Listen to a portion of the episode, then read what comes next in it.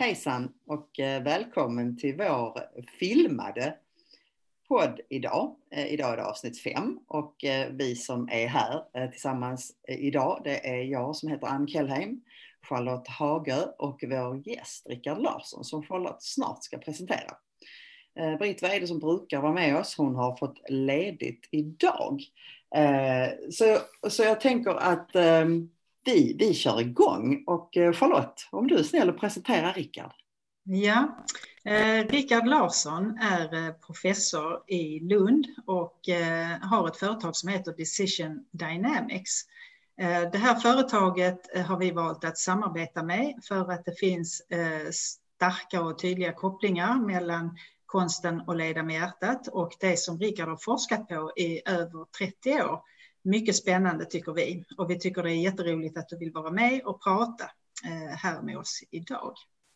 Så eh, Rickard, eh, dels så kan du få lov att presentera dig lite närmare själv, men eh, vad är det som gör att du tycker det är intressant att samverka med oss i, i, i vårt koncept, Konsten att leda med hjärtat? Ja, om jag skulle begränsa mig till bara ett ord så är det väl engagemang då, där, där liksom allt möts när, när, när saker och ting fungerar. Skulle jag lägga till ett annat ord så är det ju karriärmodellen som, som just eh, poängterar det här att det finns ett sätt att se på sitt arbetsliv och hur det borde utvecklas, men det finns också underliggande drivkrafter som vi brukar symbolisera då mer, mer med hjärtat. Och eh, dessvärre så, så, så är det mycket som går förlorat. När, när många av oss eh, lär oss från omgivningen att vi borde följa en viss karriärväg mm. eh, och eh, hjärtat inte får chansen att, att tala om för hjärnkontoret att, att det är inte riktigt rätt riktning det där kanske om du vill bli så engagerad som möjligt. Så att, att det, det, är väl lite bakgrunden till, till mm. att vi har funnit varandra på, på olika vägar.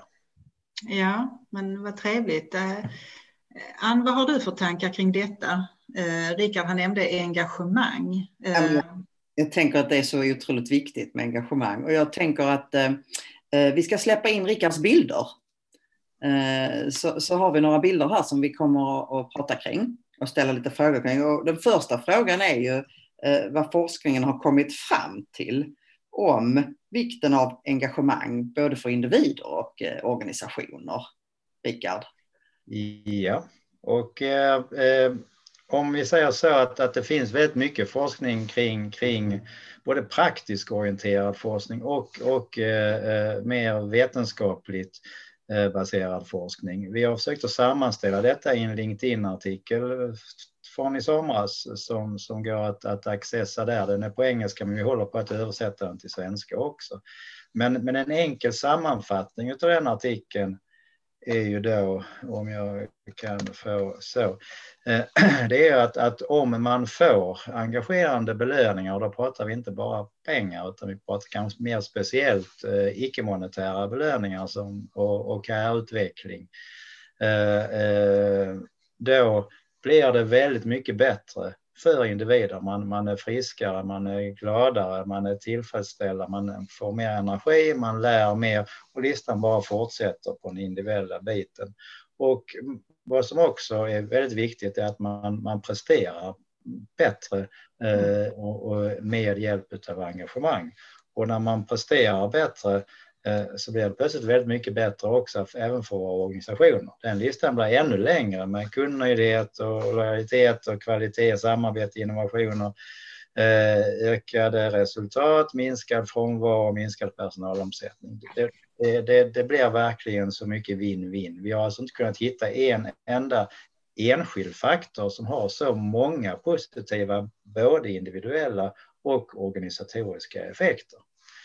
Eh, så att det, är mäktigt imponerande och i den eh, mångfaldiga forskning som finns kring detta så är det, är det en förvånansvärt stor samstämmighet fast det är många olika aktörer, både de med praktiska intressen och de med vetenskapliga intressen som kom, stort sett kommer fram till samma sak. Ja, det låter ju fantastiskt, men eh, vet du hur många det är som faktiskt är engagerade i sina, i sina arbeten idag? Ja, och sen på Gallup, den mest kända i, i, det, i, det, i den situationen där man pratar om, om kanske eh, 14 till 16 procent svenskar. Eh, och det var 16 för, för några fler år sedan och så har det gått ner till 14. Så det, det går ut för om man skulle tro, tro dem. Men, men och tittar vi på, på resten av världen så är det mellan 3 och 39 procent som, som Gallup kommer fram till. Ja. Men hur kan det vara så att det är så pass få när vi kan konstatera att det är så viktigt för... Ja, det, det är ju verkligen en, en, en kärnfråga i sammanhanget. Och där finns naturligtvis många olika svar på den frågan, men, men det kanske enklaste sättet eh, har jag försökt sammanfatta i den här bilden. För, för vi gör det faktiskt eh, onödigt svårt för oss genom att vi själva inte har, har koll på vad som verkligen engagerar oss mest, utan vi går mer på vad vi har lärt oss att vi borde göra.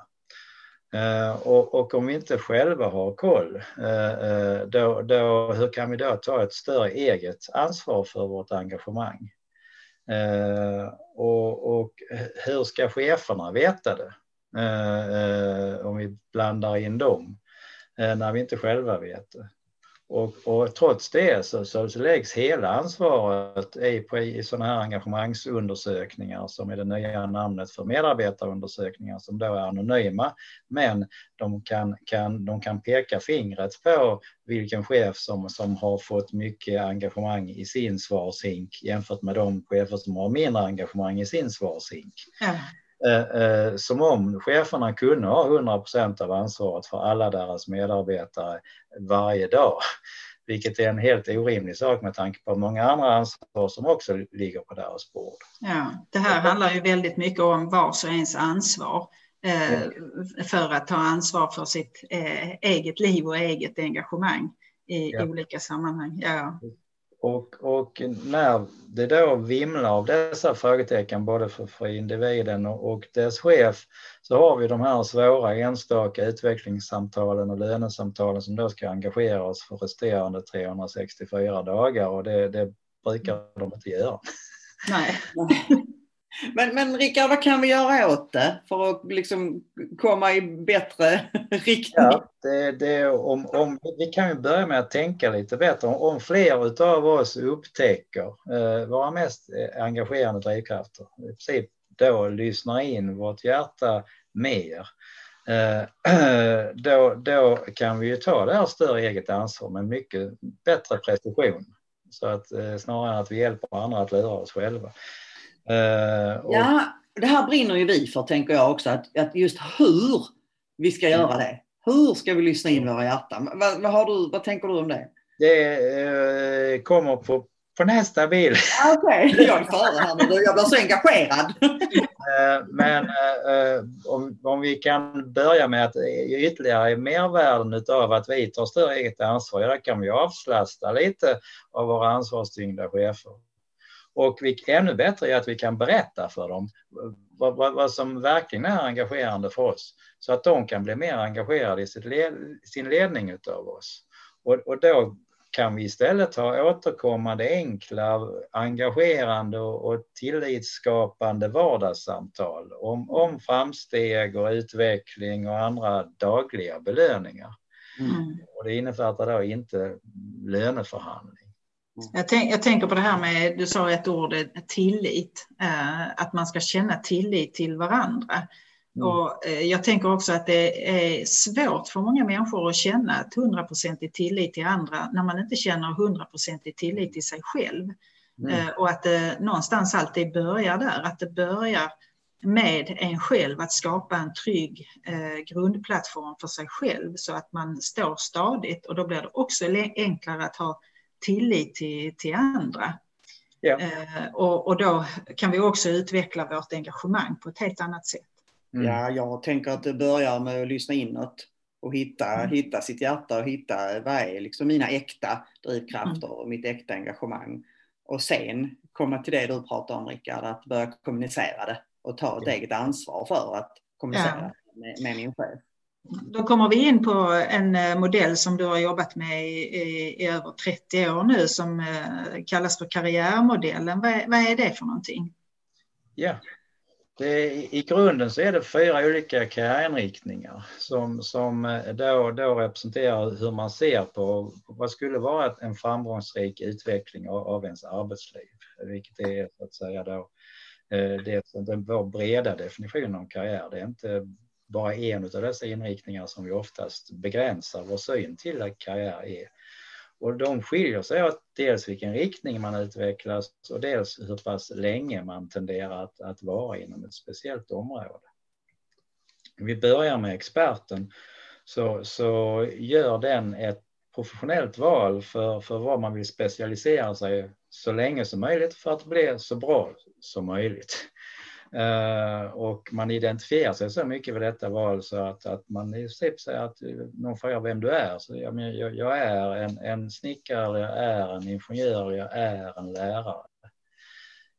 Um, och det är det mest traditionella sättet att se på sitt arbetsliv. Men, men eh, eh, uh, det är ju också Eh, några som snarare gör sin karriär. Att man pratar om att göra karriär, då är det ofta att man klättrar uppåt på någon form av chefsstege, någon form av hierarki.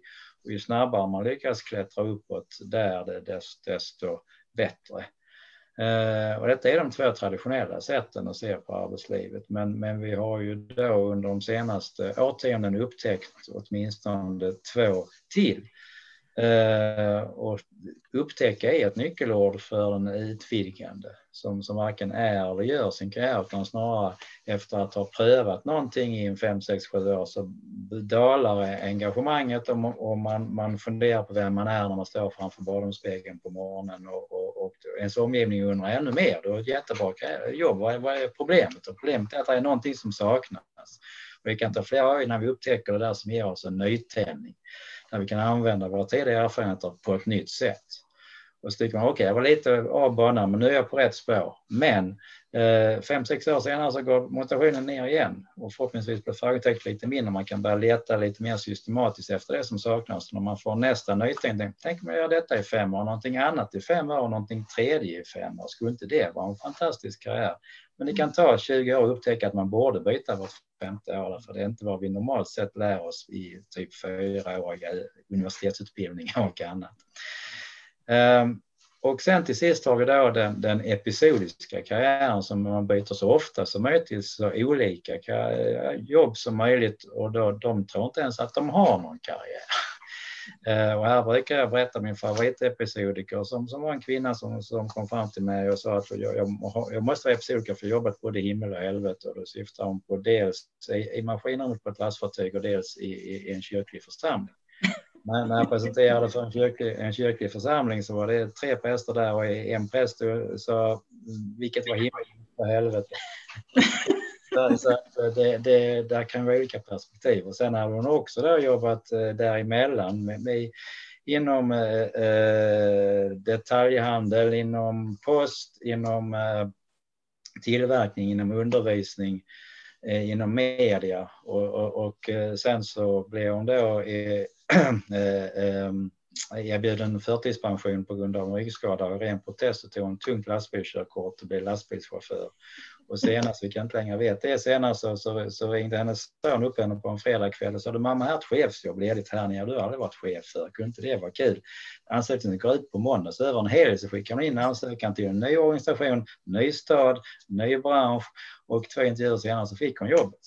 Så ja, fantastiskt. Ja. Alla hennes arbetsgivare ville ha kvar, men menar tiderna när hon stannade kvar längre än två år, antingen när hon fick barn eller när hon låg i skilsmässa. Ja. Ja, det, är verkligen ett fantastiskt exempel på att vara episodisk. Ja. Jag sitter här och tänker på, ja, och, och, och, och hur, hur ska du veta vad du är? Ja, det, det, eh, det, kan man ju då faktiskt eh, mäta. Eh, men, men innan vi kommer in på hur vi mäter det så, så, så är det ju då Eh, lite av konsekvenserna för, för det här med, med, med de här. För det är inte bara en, eh, olika vägar som vi kan ta oss fram, alltså karriärvägar, utan det är också glasögon som vi ser på andra genom. Och där, där ser vi andra konsekvenser. Om vi tar på oss expertens glasögon och tittar på annans expert så ser vi någon som är seriös, men som har fel eftersom vi själva har mer rätt. eh, och när vi på, på, på en chef så bestämmer ju den chefen mer än vad, vad denne kan. Eh, för den har inte specialkunskaperna längre. Och den, och den utvidgande börjar ganska lovande men saknar någon form av uthållighet och, och fokus när den sticker av åt sidan. Uh, och, och, den värsta av allihopa i expertens glasögon det är ju den här hoppjerkan, episodikern som, som liksom man är totalt opolitlig och okunnig och liknande. Om vi byter glasögon och tar på de linjära och tittar på en expert så ser vi ju ett, ett ledningsproblem. Ja, visst, de är duktiga, men de, de gillar inte förändringar. De ställer svåra frågor. Befordrar man de bästa så tackar de otacksamma rackarna nej tack, eller så blir de en dålig chef. Så vad fasen ska man göra med dem? En, en linjär som ser på en annan linjär så är ju någon som är målmedveten, men det kan också vara en konkurrent, en ute efter min position eller till och med hoppa förbi mig. Och den som vill åt sidan istället för uppåt måste ju ha fel på kompassen, vet inte vilket håll som är upp. Och den, den episodiska kanske inte en hoppjacka, men åtminstone en hopplös meritförteckning. Man kunde inte bli chef för det, åtminstone inte för.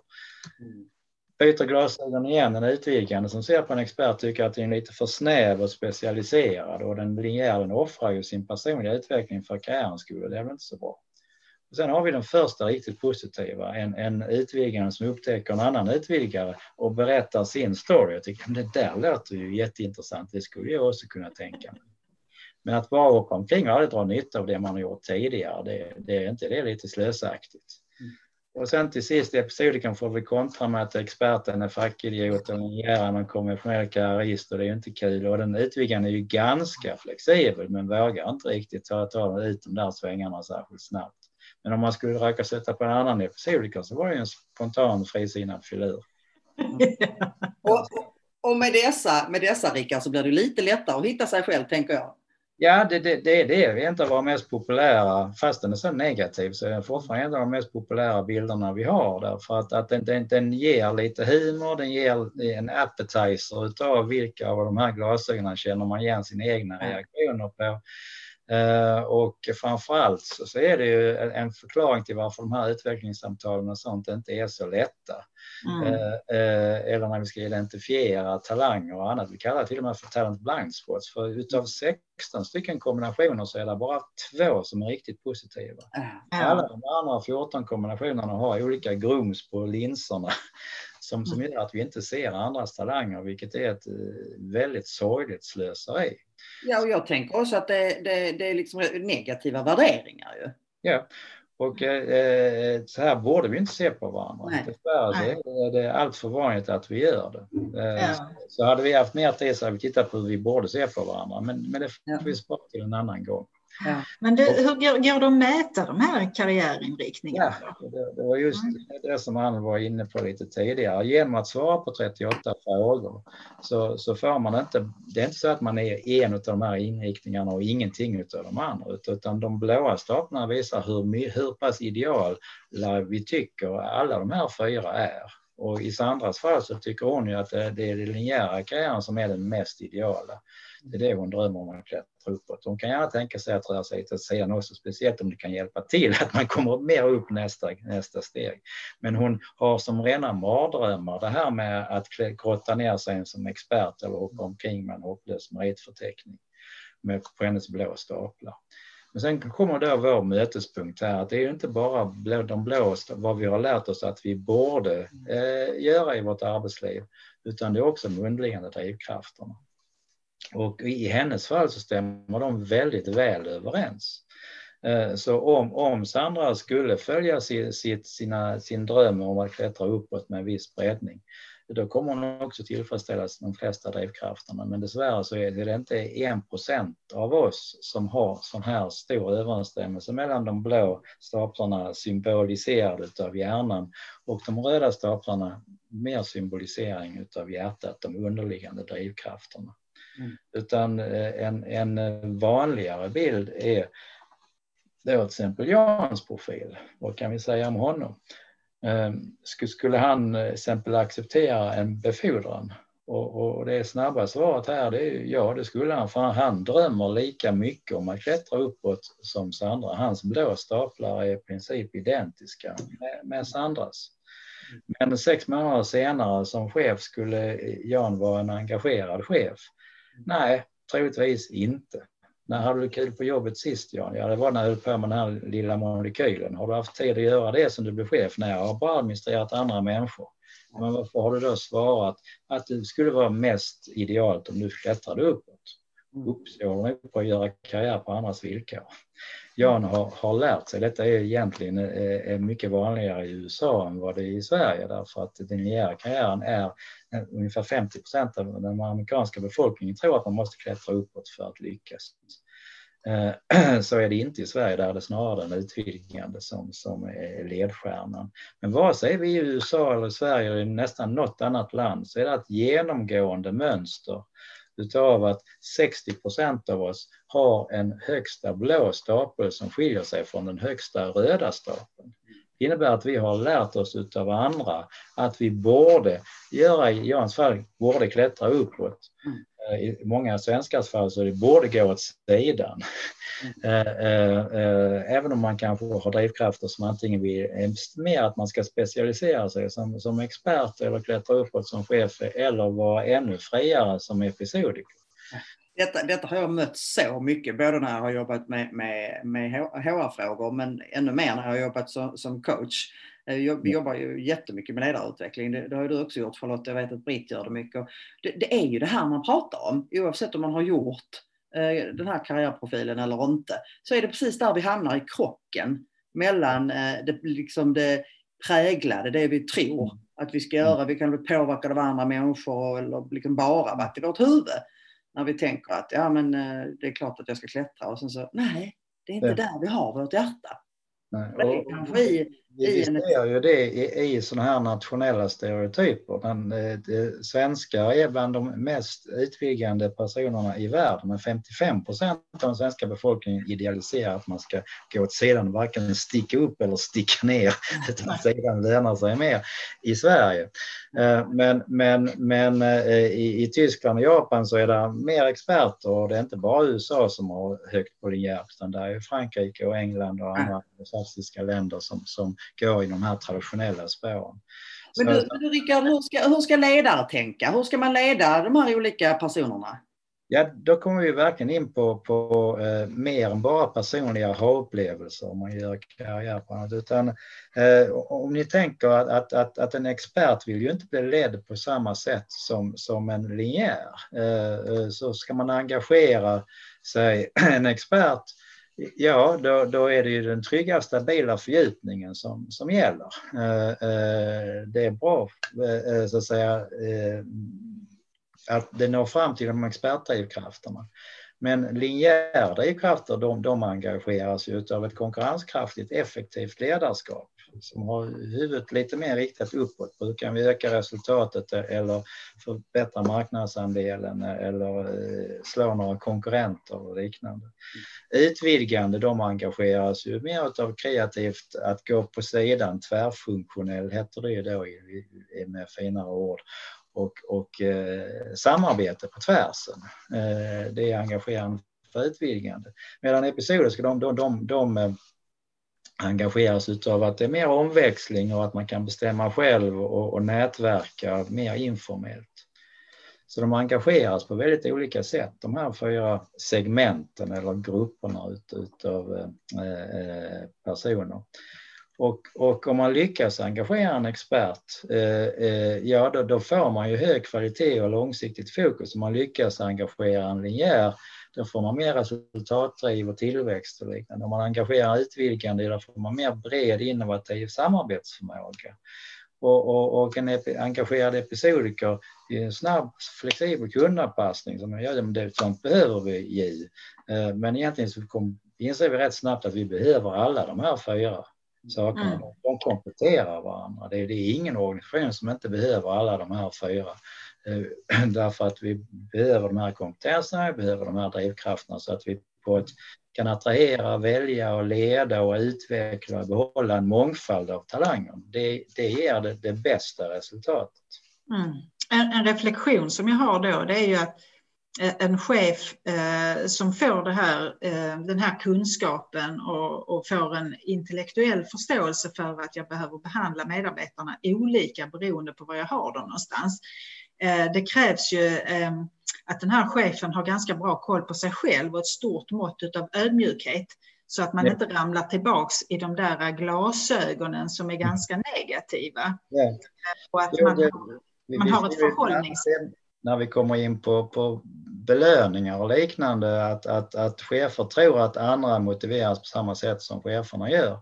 Ja. Chefer råkar vara de som är mest, mest motiverade av, av monetära belöningar. Mm. Eh, och därför så överskattar chefer nästan alltid de monetära eh, så säga, belöningarnas betydelse. Ja. Eh, och så glömmer man bort de icke-monetära eh, eh, belöningarna som, som är mycket närmare personers hjärtan. Ja, precis. Att engagemang det är, det är inte särskilt, det är både dyrt och eh, ineffektivt att försöka köpa sig engagemang. You can't ja. buy love, men you can't buy engagement either. Jag är tillbaka till det som Ann sa tidigare, att för att man ska få den, den här respekten för andra människors drivkrafter och eh, liksom engagemang för saker så behöver man ju vara ganska trygg i sig själv och det börjar, allting börjar hos oss själva. Eh, och det, det är i det här huret som konsten att leda med hjärtat kommer in. Hur, hur gör vi för mm. att vi ska uppnå det här och verkligen vara stabila och trygga i oss själva? Så jag tycker det är, det är fantastiskt att se eh, resultatet av den här väldigt långa forskningen som ni har bedrivit. Det är faktiskt jag äh. sammanfattar den i, i, i en, en, bok som har, som har fått ett innovationspris eller innovationscheck. Ja. Därför att det är inte, det är inte kanske ut som att det är två böcker, men det, det, det ser så att jag håller, håller upp den rätt här då. Ja. Eh, den har två stycken sidor. Eh, en karriärutvecklingssida för, för alla och en engagerande ledarskapssida från, från andra. Och, och ja. Eh, där, där så, så, så, kan man lära sig från bägge hållen. Så man börjar med en som är mest engagerande för en själv, men när man har läst igenom halva boken så inser man att det bästa jag kan göra det är att vända på det. Ja. Och, men du, hur, hur, skulle vi kunna knyta ihop eh, den här forskningen och eh, praktiken kring att leda med hjärtat? Ja, alltså den, den eh, Eh, jag skulle säga att, att ett, enk, ett, ett, enkelt sätt skulle vara att, att se det hela som ett vägskäl mot de här bättre resultaten som alla organisationer på ett eller mm. annat sätt strävar efter. Och, och, och det mest fundamentala vägskälet som, som, som vi ser där, det, det är att å ena sidan så kan, kan vi satsa på att öka arbetskraven och eh, eh besparingar. Eh, eh, och alternativet till det är att öka engagemanget. Och eh, om vi tittar på, på det vanligaste eh, vägvalet här, det är ju att man ökar kraven och besparingarna och det leder ju till mindre kostnader. Det ger ju automatiskt bättre resultat i resultaträkningen. Mm. Men det är inte ett uthålligt resultat därför att just den här kombinationen av ökade krav och mindre resurser för att utföra de kraven ger nästan alltid minskat engagemang. Eh, och eh, minskar man engagemanget så ökar man ohälsan. Man får fler arbetsolyckor, man får ökad personalomsättning, man blir mindre attraktiv som arbetsgivare och man får mindre prestationer. Och vad ger alla de här sakerna? Jo, de ger ett sämre resultat över tiden. Och ger sämre resultat över tiden? Jo, vi ger oss på nya krav och eh, besparingsökningar. Så det blir en ond cirkel. Och den, den är en alltför vanlig ond cirkel som, som, som vi fastnar i. Och eh, om vi tittar på andra vägskylten här så, så ja, eh, engagemang är inte, det, det, du kan inte köpa det men det är inte helt gratis heller. Man behöver göra små kostnadseffektiva investeringar i engagemang. Men vad de ger det är förbättrad hälsa, det är färre olyckor, det är mindre personalomsättning, det är ökad attraktivitet, det är ökade prestationer och vad ger det? Jo, det ger uthålligt bättre resultat. Och vad ger det? Jo, det ökar engagemanget också. Ja. Ingår den sista beskrivningen här i någon form av bekräftad statistik att så här är det? Ja, alltså, det är bara att gå tillbaka till den första bilden vi hade här så, så, så, så visar det sig att alla de här effekterna är vetenskapligt säkerställda. Mm. Det är inte så att alla studier har kollat alla de här sakerna därför att ofta så är, är studierna lite mer fokuserade, så man har tittat på vissa av de här aspekterna. Men då, ju mer faktorer man tittar på, desto mer hittar man hur breda dessa är. Och med hjälp av metaanalyser kan man titta på vad hundratals studier har gjort tillsammans. Ja, precis. De studerar mer enskilda. Ja. Här blir jag nyfiken Rickard på om du under, under den tiden du har varit verksam, om du ser någon skillnad i näringslivet eller i andra organisationer? Alltså det är en markant skillnad av att eh, engagemang var, var inte någonting man pratade om för 20 år sedan. För, för cirka 10 10, 5-10 år sedan så, så, så började praktiken upptäcka engagemangsbegreppet och det spred sig lite som en löpeld. Man började döpa om medarbetarundersökningar till engagemangsundersökningar.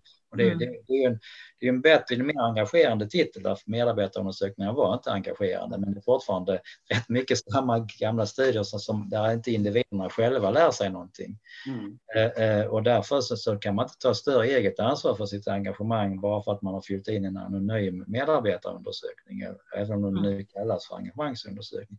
Så, så intresset och, och värderingen över att det är viktigt har, har, har eh, definitivt ökat. Och därmed så är det också fler, fler konsulter och, och, och liknande som försöker eh, att, att eh, matcha det, det behovet. Men, men eh, det där är andra saker. Det, alltså fortfarande, vad, vad, skulle ni själva säga om, om det här vägvalet. Vi, vi har en, en, en, en flerfilig autostrada till vänster som, som alla kör på och ja. det här ökande engagemanget är, är, är undantagen som, som eh, så att säga då eh, sätter människorna först. Och, och, och för att då knyta till, till vårt huvudämne eh, hjärtat hade väldigt enkelt att välja väg här. Den skulle mm. bara ställa sig direkt in i, i stegen till det ökande engagemanget. Men, men eh, där är andra krafter mm. som, som, som drar åt andra hållet och den har väldigt mycket med ekonomi och redovisning. Eh, mm. Jag, jag skulle bli revisor från början men tur och väl så, så, så upptäckte jag att jag inte skulle bli det. Uh, och, och redovisningen har, har inte en susning om engagemang. Det finns inga engagemangskonton redovisningen ser bara att ja, men minskar vi kostnaderna så är det, säkraste sättet att, att förbättra resultatet. Det är ju här vi, det är här vi brinner, eh, Rickard. Ja. Det är ju här som vi vill eh, kunna vara en, en aktör eh, mm. och, och, försöka sprida hur, eh, hur man kan leda med hjärtat. Charlotte, kan inte du koppla ihop någonting där och till vad, ja. vi vill? Ja, precis. Jag, jag, tänker det finns, ju, det finns ju också annan forskning som eh, pekar på det här med hjärtats eh, intelligens och hur det funkar rent fysiologiskt.